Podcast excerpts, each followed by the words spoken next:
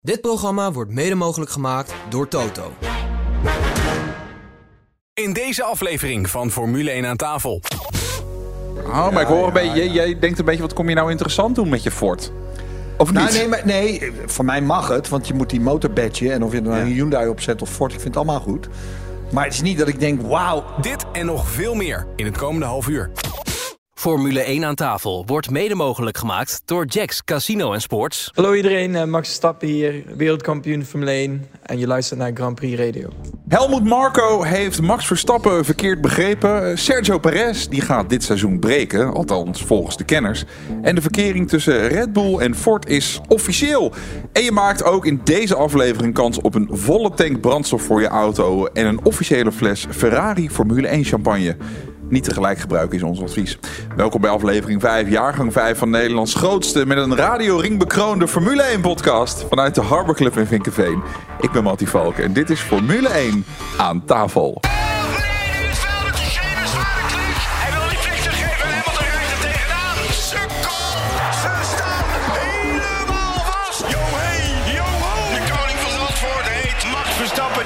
De Formule 1 podcast. Formule 1 aan tafel.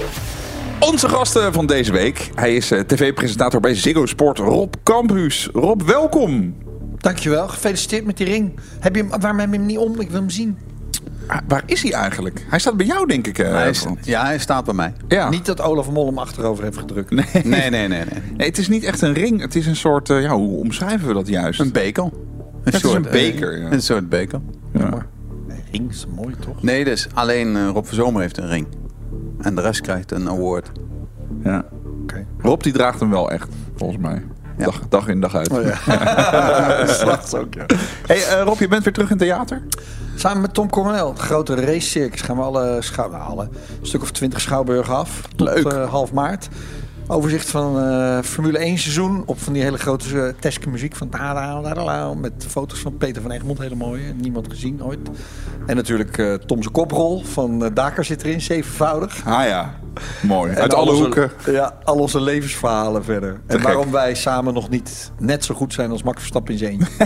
Later deze podcast eh, maak je kans op eh, tickets. Dan bij ons Ivo Pakvis. Hij is eh, Formule 1 sportjournalist, auteur van het boek Max en Jos. En hij komt nu met een nieuw boek Max en Niek, dat binnenkort uitkomt. Ivo, welkom. Dankjewel. Eh werk je al aan een boek Max en Kelly? Want dat zou een logische opvolger zijn. Ja, het is een eh. logisch opvolger. Hebben we het gehad eh, over eh, met, eh, met, eh, met de uitgever. Maar eh, ik geloof niet dat er heel veel voedingsbodem voor is. Nee, verbaast me dan weer niks. En dan bij ons Nederlands meest besproken teambaas en vaste gast bij F1 aan tafel, Frans Verschuur. Frans, waarom eh, wint Niek de Vries afgelopen week de rechtszaak tegen zijn financier eigenlijk? Omdat het een kort geding is. En dat nog niet zo heel veel voorstelt. Dan we beginnen even met een rectificatie naar aanleiding van vorige week eigenlijk. Helmut Marco die gaf toen aan dat Max Verstappen een sim in zijn privéjet zou laten bouwen. Nou, eh, een hoop consternatie eroverheen. En zegt, wat is dat toch eh, bijzonder dat dat kan.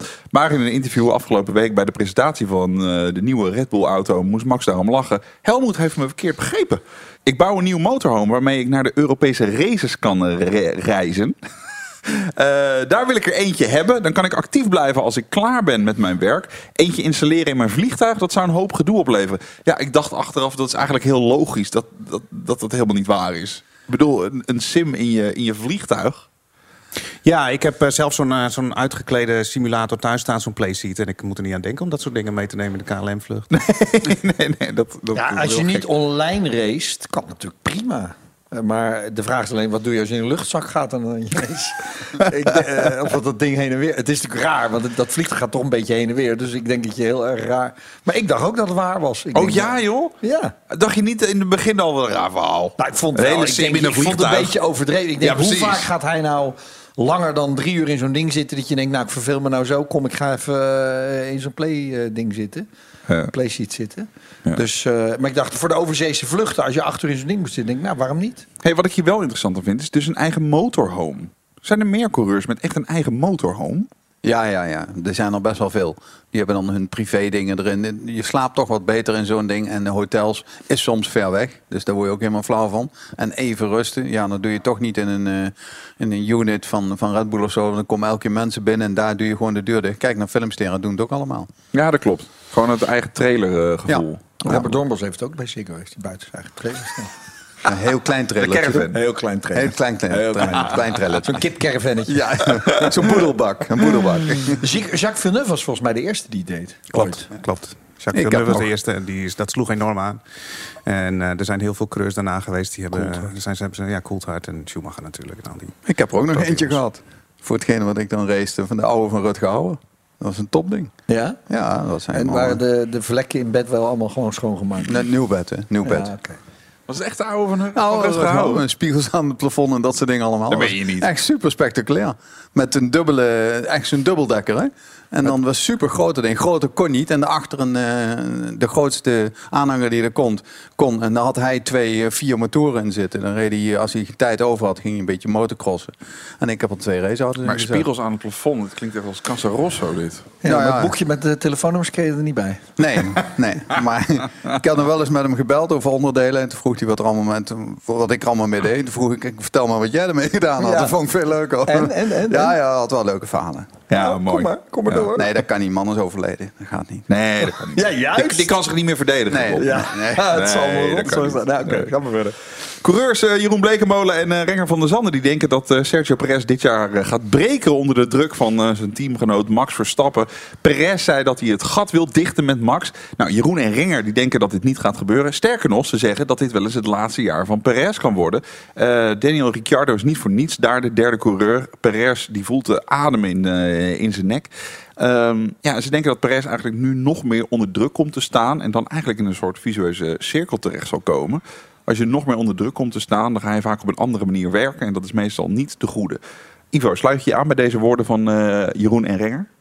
Ik sluit me aan bij het feit dat hij meer onder druk komt te staan. Ik weet niet of je gaat breken. Ik vind breken nogal een subjectieve term. Ehm, maar ik sluit absoluut aan bij het feit dat hij het erg moeilijk gaat krijgen. Begin vorig jaar zag het er eh, heel aardig uit met Perez. En eh, deed hij een paar leuke dingen. Deed hij ook een paar gekke dingen. Maar eh, over het geheel gezien zat hij er goed bij. Alleen op het moment dat die auto doorontwikkeld wordt...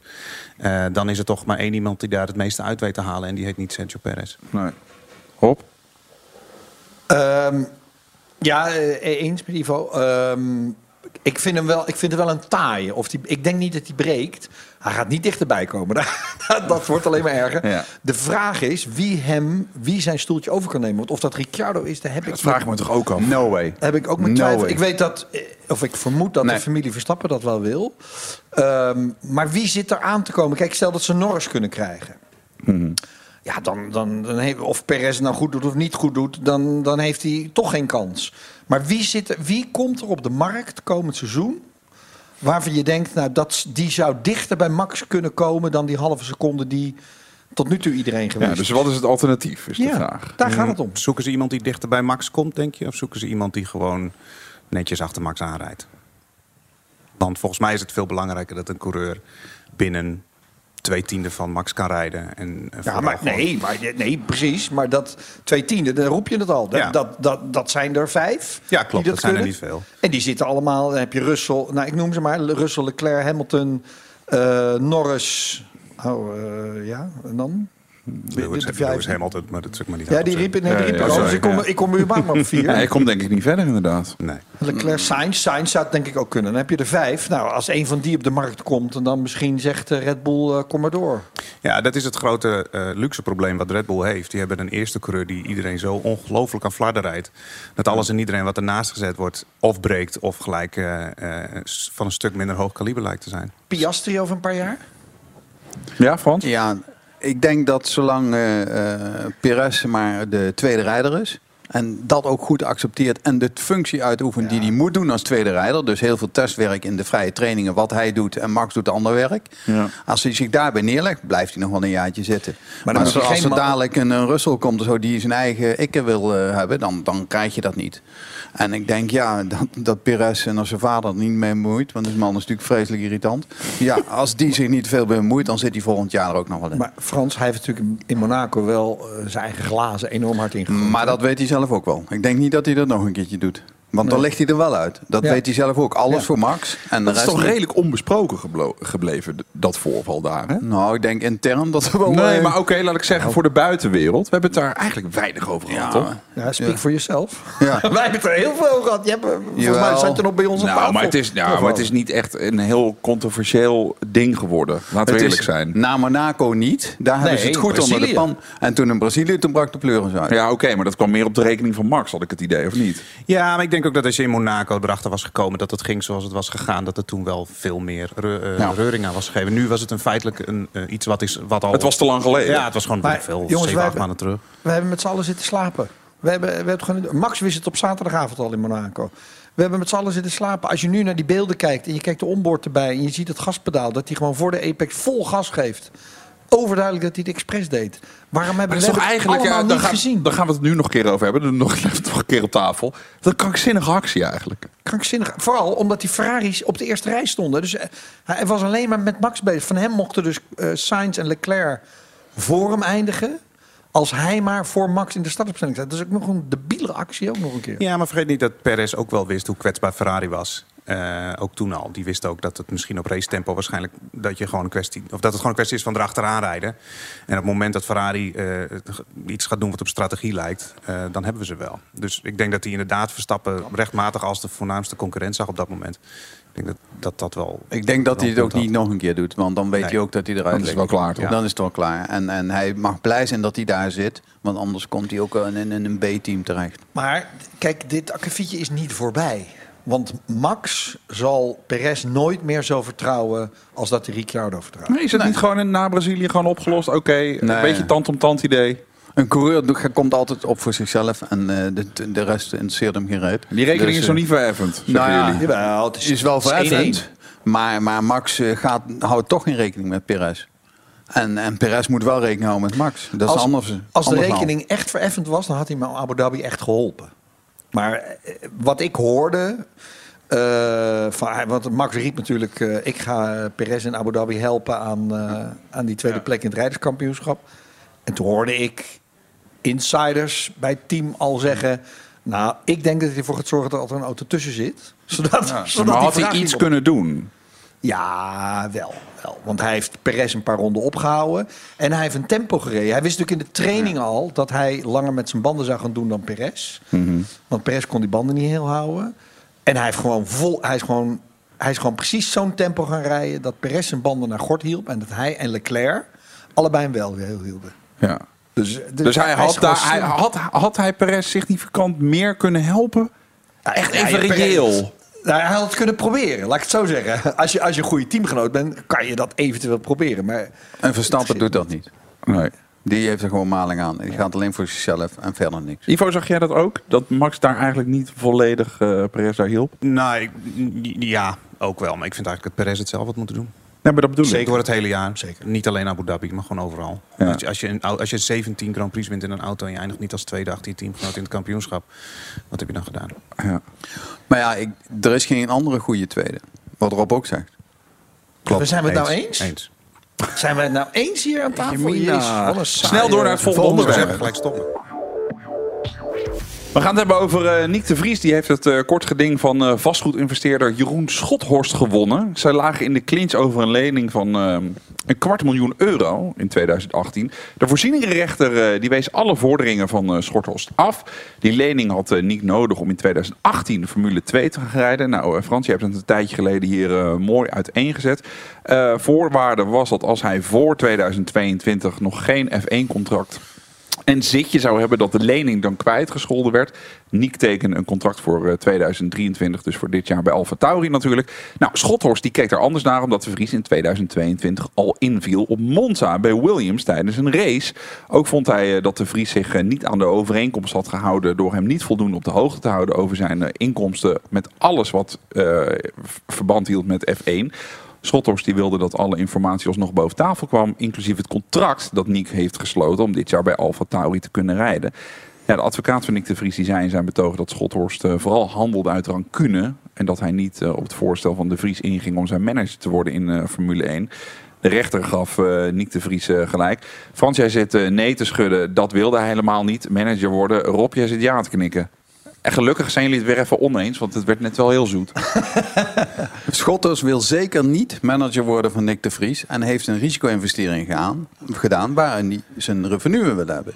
En het is nu een kort geding geweest. Dus hij gaat een bodemprocedure aan. En dan zullen we zien hoe het is. En ik onderschat zeer zeker eh, het bedrijf van eh, Schotters niet. Want die heeft ook 20 miljoen weggehaald bij Sauber destijds. En dat is heel moeilijk om bij een Formule 1 team iets weg te halen. Maar hij heeft dat Maar de gedaan. eerste halte is wel gewonnen door Nick Ja, hier. maar het is een kort geding, joh. Dat, dat stelt niet zo heel veel voor ten opzichte van een lange rechtszitting die het gaat worden. En ik vind nog dat ze moeten gaan zitten en het moeten oplossen. Ja. Want het is niet goed voor Nick dit. Dit is altijd, blijft in je hersens meegaan enzovoort enzovoort. En als het dadelijk verkeerd loopt, dan gaat, wordt het beslag gelegd. Al die dingen wil je niet hebben, joh. Ook niet goed voor Jeroen niet trouwens. Want die heeft heel veel voor de Nederlandse autosport gedaan. Heel veel. Hij heeft Guido heel ver gebracht. Eh, en, eh, En hij heeft nu een risico genomen door, door dat geld te investeren. Want papa de Vries deed het niet meer. Nou ja, dan, dan moet je, moeten ze hieruit zien te komen. Maar ja, als, als eh, ik zag wel het contract. En dacht ik van nou, ik vond het wel een tamelijk wurg contract. 50% van de inkomsten. Nou ja, voor, maar voor een kwart miljoen. Zou Ja, jij, maar dat is getekend, Zou, dus jij ja. in, zou jij in december 2017, als Nick zevende is geworden, geld investeren omdat je denkt dat hij volgend jaar dat hij ooit nog in de Formule 1 komt? Dat is toch een risico wat je neemt. Hetzelfde als ik zet alles in, in een casino op 16 en dan wordt het 16 en zegt casino ja ik betaal niet uit, want daar, daar Ja. heb ik geen zin in. Dat is natuurlijk ook een risico. En hij wil zeker geen manager worden van de Nou, Vries. kijk, kijk, wat je wel kan zeggen is... eh, je kan natuurlijk betwisten of, of eh Nick in 2022 niet Formule 1-coureur is geweest. Als de definitie is, heb je aan een wedstrijd meegedaan als coureur... je- dan is het antwoord ja. Maar de- ik ken die je hebt overeenkomst geen niet. zitje. Nou, die had hij wel. Want, eh, Nou ja, hij heeft- je hebt een eenmalig zitje. Ja, maar, Ja, ja, maar dan ben je toch het ligt coureur? maar net wat, wat hij heeft punten gehaald ook nog, hè? Ja, ik- het is inderdaad wat Ik, Rob ik zegt. zou wat is- mezelf bij elke eerstvolgende meeting met familie en vrienden Formule 1 coureur noemen hoor. Als ik dat had. Ja, Maar ja, precies. je, ja. je moet, hij heeft wel punten gehaald in de Formule 1. Precies.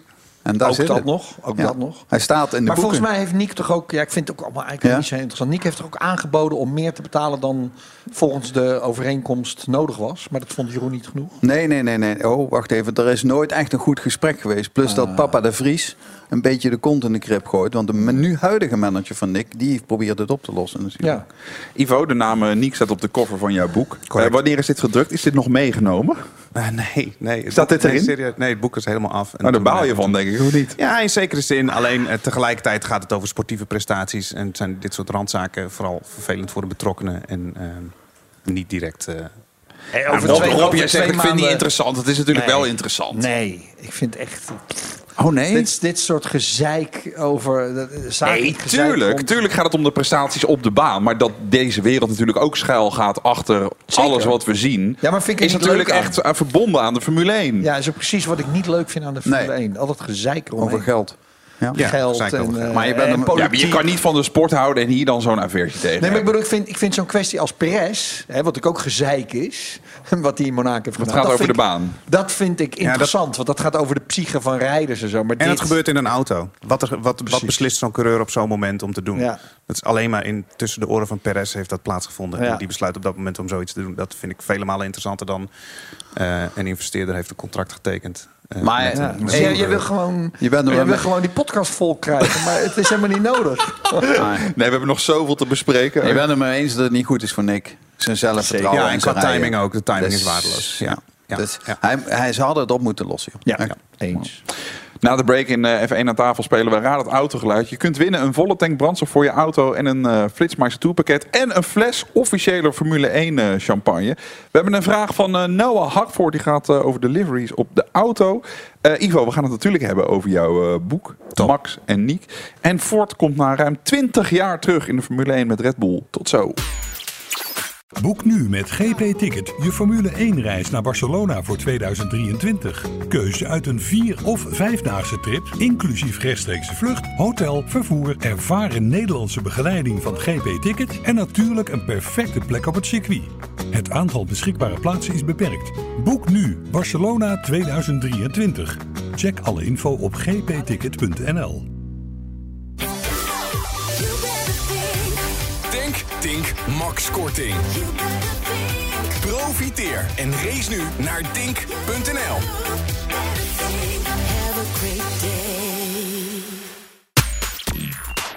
Je luistert Formule 1 aan tafel. Dit is de grootste Formule 1 podcast van Nederland. Heb je een vraag? Mail die dan naar f1 aan tafel. Eh, deze week is die van Noah Hakvoort. Die zegt, eh, heren, ik heb een vraag over de liveries op de auto's.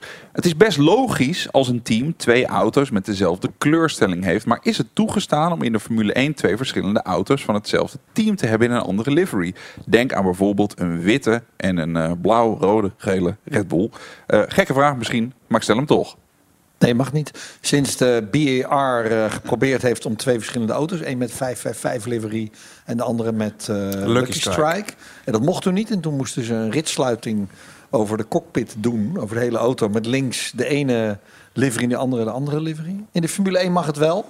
Jaguar heeft twee auto's die zeg maar eh, elkaars opposite zijn. Dus de ene helft zwart en de andere helft wit en de andere helft wit en de andere helft zwart. Ik vind het wel jammer. Doe eens lekker twee verschillende auto's net als in IndyCar. Ja, eens. Ik vond, moet zeggen, die, tegelijkertijd was die BR die, uit dat echt iconisch. Het zag er niet uit, maar dus je herkent hem. ja, Ik zou bijna zeggen, je herkent hem blind, maar dat gaat niet helemaal op. Maar ja, inderdaad, eh, ik zou het ook wel leuk vinden als je af en toe zo'n one-off kan doen Ja. die, die, die van elkaar verschilt. Waarom niet? Ja, precies. Heb je ook een eh, vraag? Mail die dan naar eh, f1 aan tafel grandprixradio.nl. Vroeger in de jaren 70 had je heel veel van die privéauto's. Dan had je bijvoorbeeld Brabham. Die reden met een hele mooie Martini livery. En dan kwam eh, John Watson of zo. Die kwam dan met een hexagon Brabham in donkerbruin met oranje. Nou, dat was zo gaaf dat die auto's dan ineens heel anders eruit zagen. 70 is echt lang geleden. Op. Sorry hoor. Ivo, jij schreef het eh, boek hoe Max Verstappen de komst van eh Nick de Vries naar eh, de F1 mogelijk maakte. Eigenlijk. Eh, Max en Nick. Hij ligt hier. Het is een, het is een dummy, hè? Het is een dummy. Wat staat, er ook hardop. alweer, wat staat er eigenlijk in? Volgens mij staat er een boek in van Jochem Uitdagen. Ja. Hoi Jochem, Ja, als precies. je luistert. We hebben je boek gebruikt. Ehm, als ik een goede samenvatting geef, het is een boek over eh, de twee ja, totaal verschillende wegen richting de Formule 1 van, eh, van beide heren. Het gaat over de verschillen, maar ook over de overeenkomsten. Maar ook ja, de wijze waarop ze met elkaar verbonden zijn. Want de vraag is een beetje, had Nick de Vries eh, zonder Max Verstappen ook op een stoeltje kunnen rekenen? Laten we daar eens mee beginnen. Wordt dat beantwoord in jouw boek? Ja, eigenlijk wel. Ehm, eigenlijk, eh, ja, eigenlijk wel. ik ga het niet helemaal uit de doeken doen hoe en wat. Maar eh, ik heb het boek allereerst, wil ik wel graag even vermelden, is geschreven samen met Stijn Keuris, mijn oud-collega en goede vriend Stijn. Ja. Ehm, wij hebben eh, geprobeerd om het verhaal uiteen te zetten over de invloed van Max Verstappen op de Formule 1. En niet alleen op de Formule 1, maar ook op ehm, hoe Red Bull kijkt naar zijn coureurs. Ja. En hoe jonge coureurs hun weg naar de sport vinden. Wat je ziet bijvoorbeeld is nadat Verstappen zo'n enorme sprong maakte van de karts. En eigenlijk, weet ik veel, volgens mij reed hij anderhalf uur in de Formule 3 en zat hij in de Formule 1. Ja. En eh, vervolgens eh, waren heel veel jonge karters en jonge jongens en meiden... die eigenlijk vonden dat hun carrière al niet meer geslaagd was... als ze niet op hun 16e of 17e al met een Formule 1-team om tafel gingen. Dus eh, heel veel potentiële carrières zijn toen al in de, in de, Knop gebroken. ja, in de knop gebroken, in de kiem gesmoord. Omdat Ja. ze dachten, weet je, we zijn te laat. Want kijk, Max is 17 en die rijdt al Formule 1. Wat, Terwijl dat 18 was de uitzondering natuurlijk. Exact. En, Ja. Maar hij was wel de nieuwe, nieuwe benchmark. En dat is hij op allerlei fronten eh, is hij dat geworden, ook binnen Red Bull. Ja. Als je ziet, eh, we hebben bijvoorbeeld... eh, kijk, het verhaal van Max in de Formule 1 is eigenlijk wel verteld. Ehm, dus we hebben ook besloten om het uit, uit een ander perspectief te, te schrijven. Mhm. Dus wat we hebben gedaan is, we hebben gezegd... oké, maar hoe is het die teamgenoten naast Max nou vergaan? Pierre Gasly is, is volledig verzopen naast Verstappen. Alex Albon precies hetzelfde. Daniel. Ja. Ricciardo is gevlucht. Ja. Toen bleek dat eh, Verstappen hem in de tang had en dat het team van hem werd. Eh, en Sergio Perez nu, eh, nou ja, hebben we het net over gehad. Maar we hebben dus ervoor gekozen om dat vanuit zijn perspectief, sorry, vanuit het perspectief van de teamgenoten te, te, ehm, te beschrijven. Ja. En daarmee dus ook de manier waarop Red Bull werkt. Dus coureurs opleiden en dan via Toro Rosso of Alfa Tauri, of hoe je het noemen wilt. En dan de beste komen bovendrijven. En, en die gaan uiteindelijk naar Red Bull. Maar het klinkt een beetje alsof ze enorm moeite hebben gehad met het imposante talent van Max. En daar goed mee omgaan eigenlijk. Want Ja. dit, alles wat je nu beschrijft, is eigenlijk helemaal niet zo positief. Nou ja, voor, voor, voor Red Bull en Verstappen wel. Want er Nee, staat voor- hier wel een tweevoudig wereldkampioen. Maar het omgaan Nou, met nieuw talent en dat, dat zoveel carrières al Ja. eigenlijk een beetje in de kiem gesmoord zijn. Omdat de standaard zo uitzonderlijk lag. Eh, Dat, dat is te laat beseft eigenlijk. Ma- Maak je toch Ja. een beetje uit je woorden op? Een beetje. En eh, we hebben eh, dus ervoor gekozen om te zeggen... oké, Red Bull heeft dus met Perez een bepaalde sprong gemaakt... door het aantrekken van een coureur die niet uit de eigen opleiding kwam... maar wat gewoon een ervaren established coureur was. Die Mhm. wist waar hij stond. Die, nou ja, dat was toeval, maar die kon dus een wedstrijd winnen. Had hij ook bewezen. Ja. En die wisten gewoon, oké, dat is goed genoeg. Bij, maar bij Toro Rosso gebeurt eigenlijk hetzelfde. Want dat, is- dat, dat is een kliek rijders die eigenlijk terug is gevallen vanuit Red Bull. Eh, dus een Pierre Gasly en een Alex Albon. Die, kwam daar, Mhm. die viel natuurlijk niet terug naar Toro Rosso. Maar je snapt wel wat ik bedoel. Ja. Eh, maar daar kwam ook een plaats vrij. En daar is op een gegeven moment ook gedacht... oké, wie kunnen we naast Tsunoda plaatsen... die kan dienen als een goede benchmark voor hem...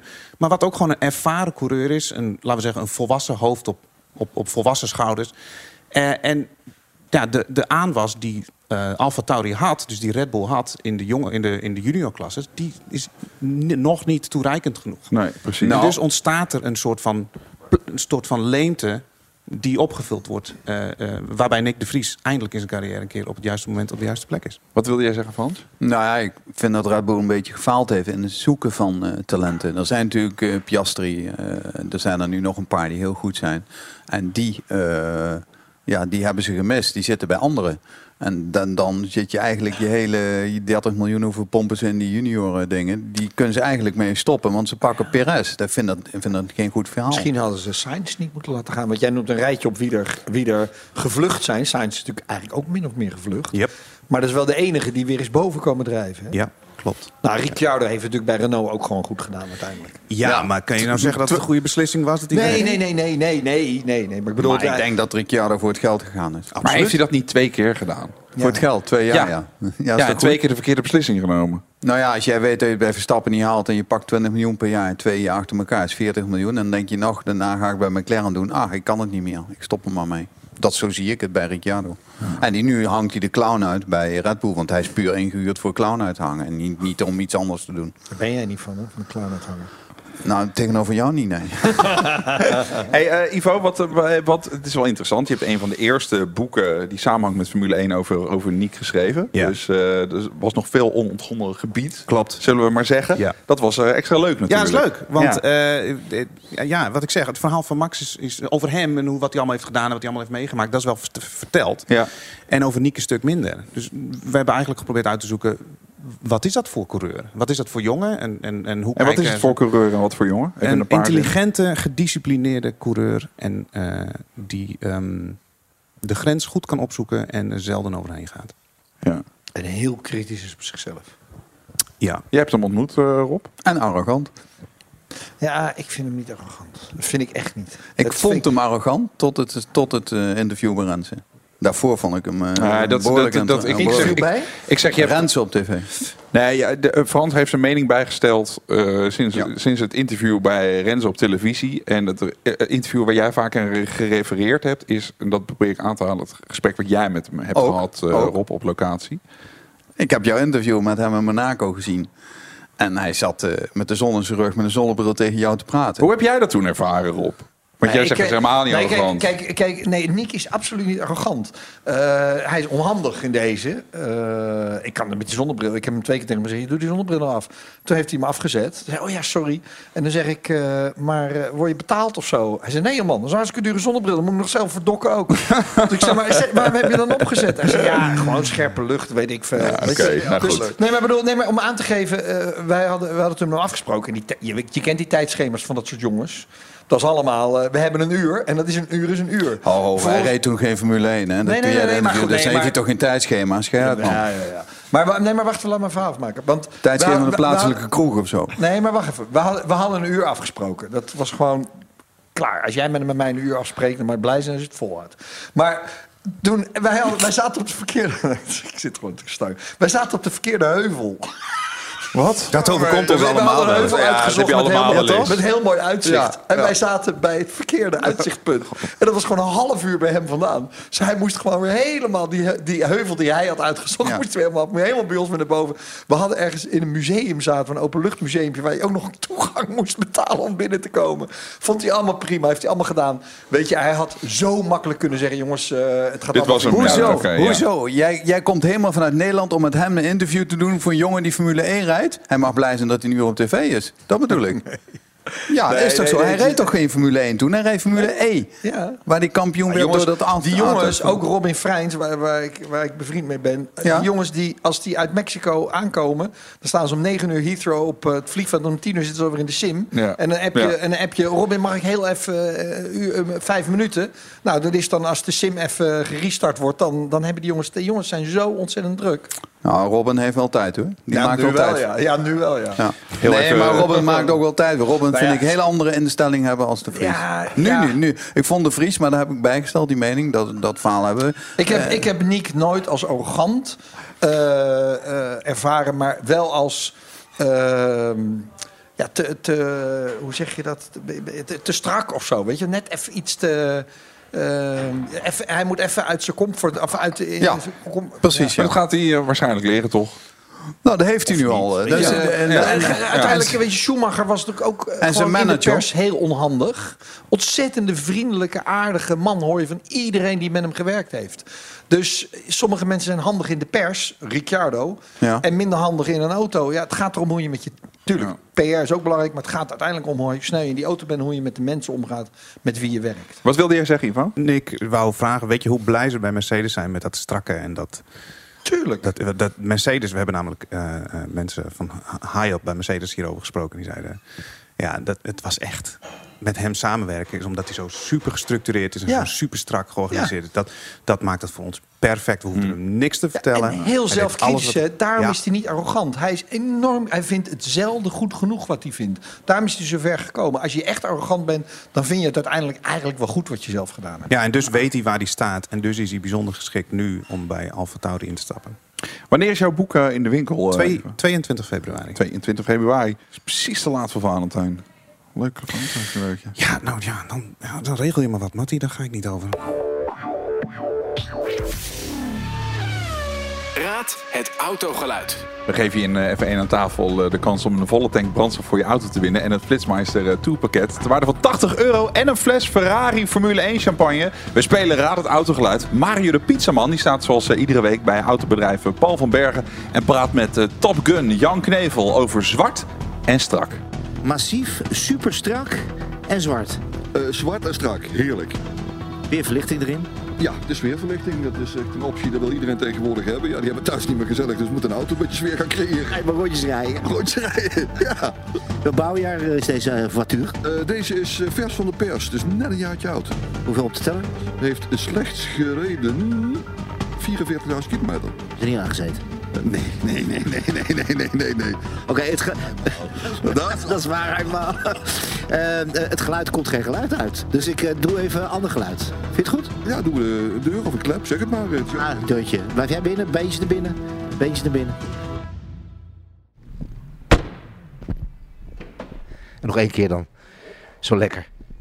Zo klinkt een deur zonder raamsteel. Oké, ehm, waar vinden we deze auto? Deze vinden we op www.paulvanbergen.nl. Ja, daar vind je hem wel. Lekker man.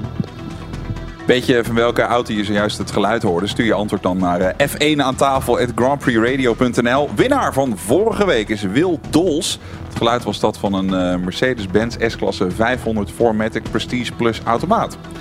Veel eh, rijdplezier met je gratis volle tank brandstof voor je auto bij Tink. En het Flitsmaster 2 pakket ter waarde van 80 euro. Die altijd aanstaat daar als je gaat rijden. Dit is de reden dat wij die ring hebben gewonnen. Dat dit er zo vlekkeloos uitkomt erop.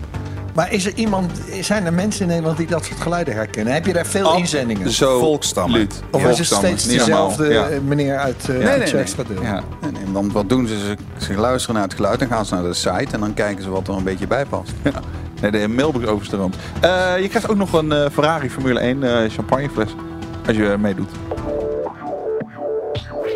Ja, Red Bull Racing gaat vanaf eh, 2026 rijden met Ford motoren. Tenminste, dat is een beetje wat er gecommuniceerd is. Hebben jullie dat promofilmpje gezien trouwens? Yep. Waanzinnig hè? Yep. Dat is toch een prachtig Ja. verhaal wat daar verteld wordt. Het Ja, heel, heel goede marketing. Heb Ja. je dat gezien Rob? Kippenvel. Wat blijf je stil? Nee, het, is ja, een, het is een podcast. Ja, Hij nee, is ja, er stil van hij is stil van. Hij is stil van Ja. het filmpje. Ja. Het- Oh, het vind je is het een- eenmaal het is porno? een- Nee, nee, nee, het gaaf filmpje. Maar het is een marketingtruc. Ford is eigenlijk nooit in de Formule 1 Maar marketing geweest. kan ook mooi zijn. Zeker. Je, Ford nooit in de Formule 1 Nee, geweest? dat was Cosworth. Er was Ja. niks aan Ford van. 176 maar er stond wel, overwinningen als op, motorleverancier. stond wel Ford op Precies, de auto. daarom is het een, dat was toen een marketingtruc en nu ook Ja. weer.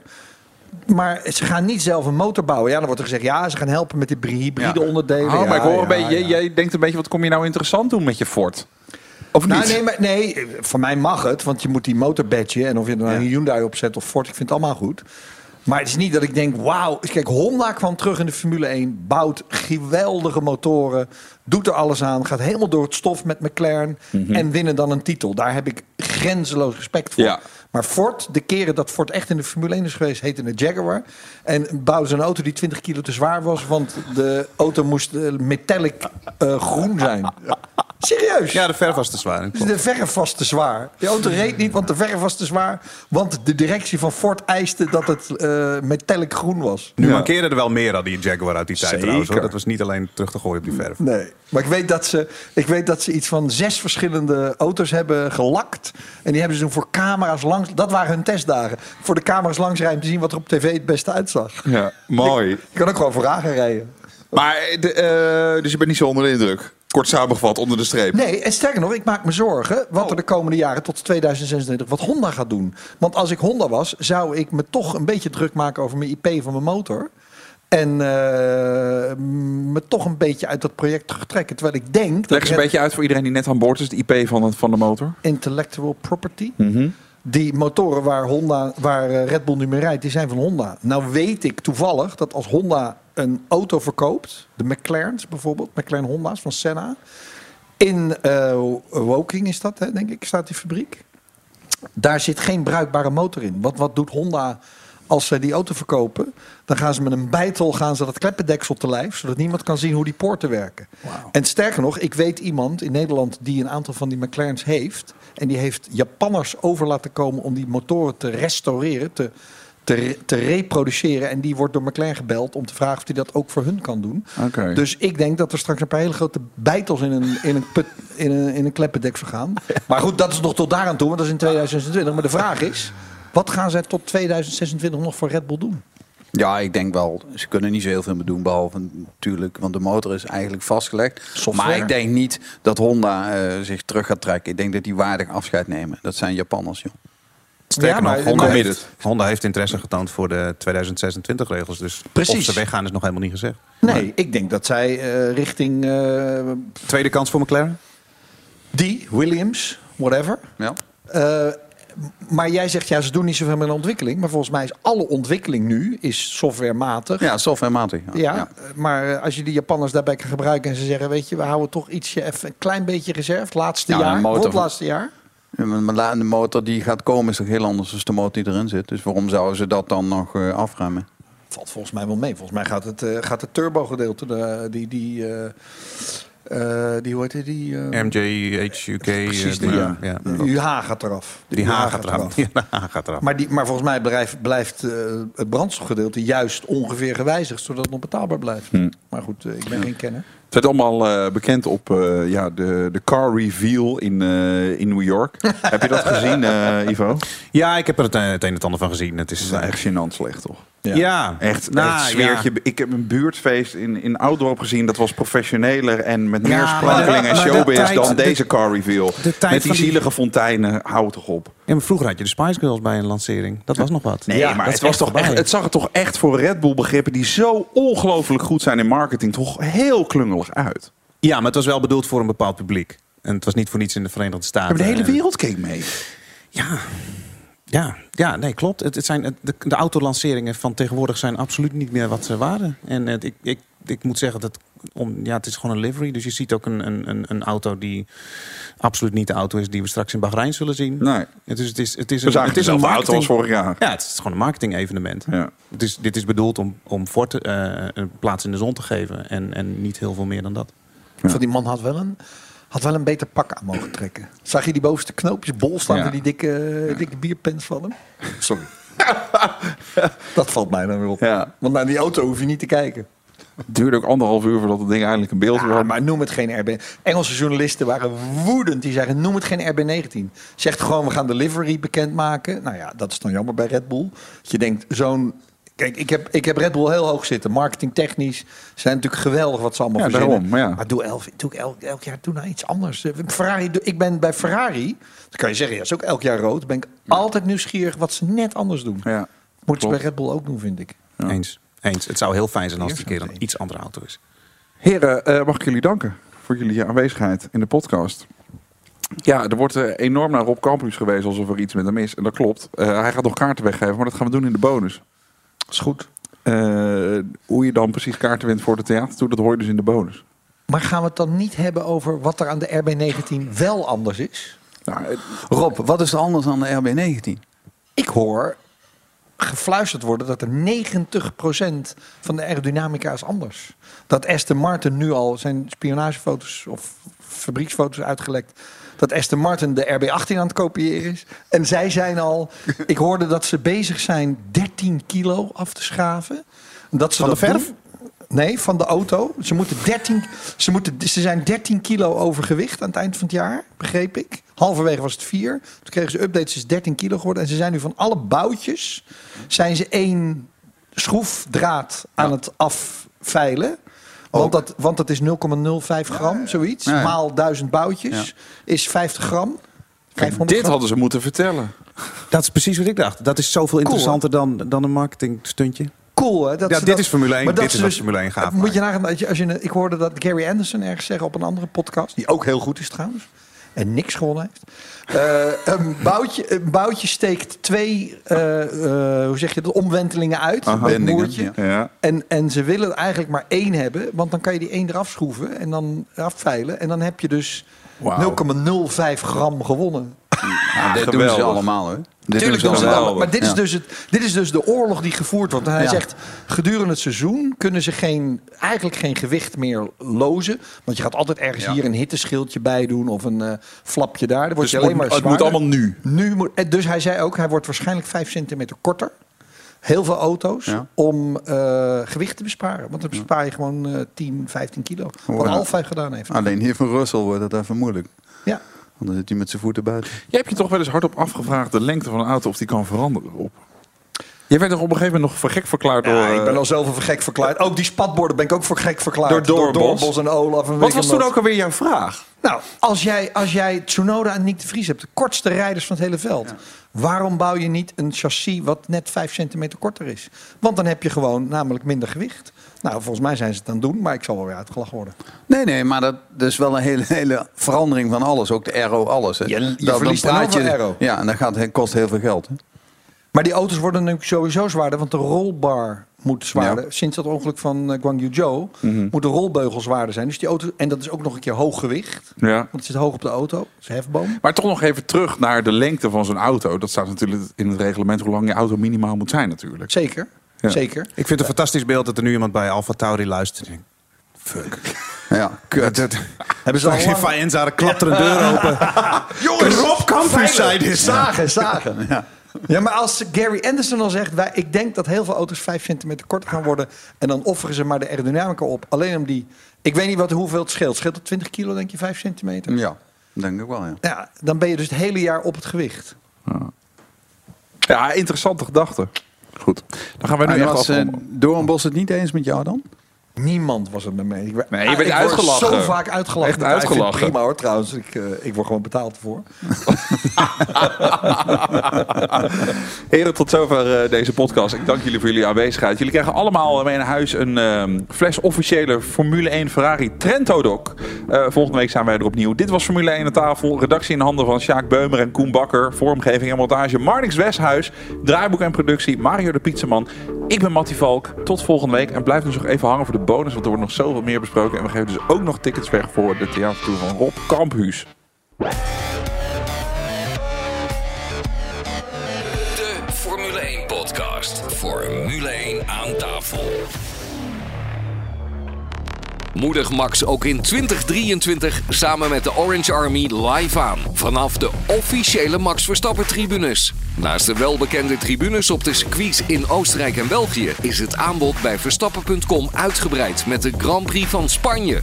Er is een gelimiteerd aantal stoelen beschikbaar, dus boek snel je tickets. Verstappen.com is het enige en officiële verkoopkanaal van tickets voor de Max Verstappen tribunes. Goed Rob, die tickets. Maar jij ook hoe hij Rob Campus zei? Ja, die- sorry. alsof Dat die zei ik een beetje zijn alsof ik mijn buik vol ervan had. Ik geef, ik geef het kaartje voor de theater van Rob Campus. Ah, sorry. Niks sorry hoor. Ja, dus sorry. We zijn, maar we zijn ook Hoorde al- je het ook? Ik zit Jij al... hoorde het ook, Ivo. Maar Ja, dit is, ja, ja. het is al rook lange podcast. We zitten al veel langer door normaal. Dus ik- maar heel leuk. Is dat leuk? Ik zal hem even opnieuw doen. Inderdaad, Nee, voor de Nee, sfeer. Nee, nee, nee, nee, maar- Nu hang je. Ja. Mattie Valk. Rob, jij hebt een fantastisch leuke theatertour. En music met Marieke. Mattie Valk. We gaan Ja. tickets weggeven. Ja. Het is wel leuk, want ehm, Oh. als je een van de eerste luisteraars bent van deze aflevering, die komt namelijk s'avonds om 9 uur online. Ja. Op maandagavond 9 uur. Dan kan je de eerste 24 uur daarna kun je meedoen met deze prijsvraag. Ja, dit klinkt heel complex, maar het is eigenlijk heel eenvoudig. Als je nu naar jouw Instagram-account gaat, Ja, dat Rob is Campus F1. Rob Campus F1. En dan is Huus met UE. UE, even goed om te weten. Dan kun je daar een codewoord invullen. Maar dat kan slechts tot 24 uur na het verschijnen van deze podcast. Dus tot dinsdagavond 9 uur. Ja, maar we geven geen 3000 kaartjes weg. Nee, dat weet ik. Maar laten we zeggen, de, hoeveel de eerste mensen die... De, de- de- gewoon de eerste? Ja? De eerste wat? Eerste twee. Vier? De eerste Vier. twee. Twee. Tien? Jezus bij Zunig. Tien kaartjes? Het, moet, het mag weer niks kosten. hoor. Jezus Christus. Tien Maar kaartjes. we moeten het ook een... Ik heb niet eens gevraagd. Ja, Vijf keer snel een twee. kaartje Ja. weggeven. Ja, minimaal tien. Ja, er zijn er tien. Vijf keer twee. Is goed. Dus de eerste vijf mensen die het eh, codewoord invullen... die kunnen met een vriend of vriendin naar de theatertour. Ja. Ehm, wat is dan het codewoord? Nou, een van de leukste onderdelen van de show is dat ik alle crashes van Tom Coronel kan laten zien. Heb je beweert- zoveel tijd?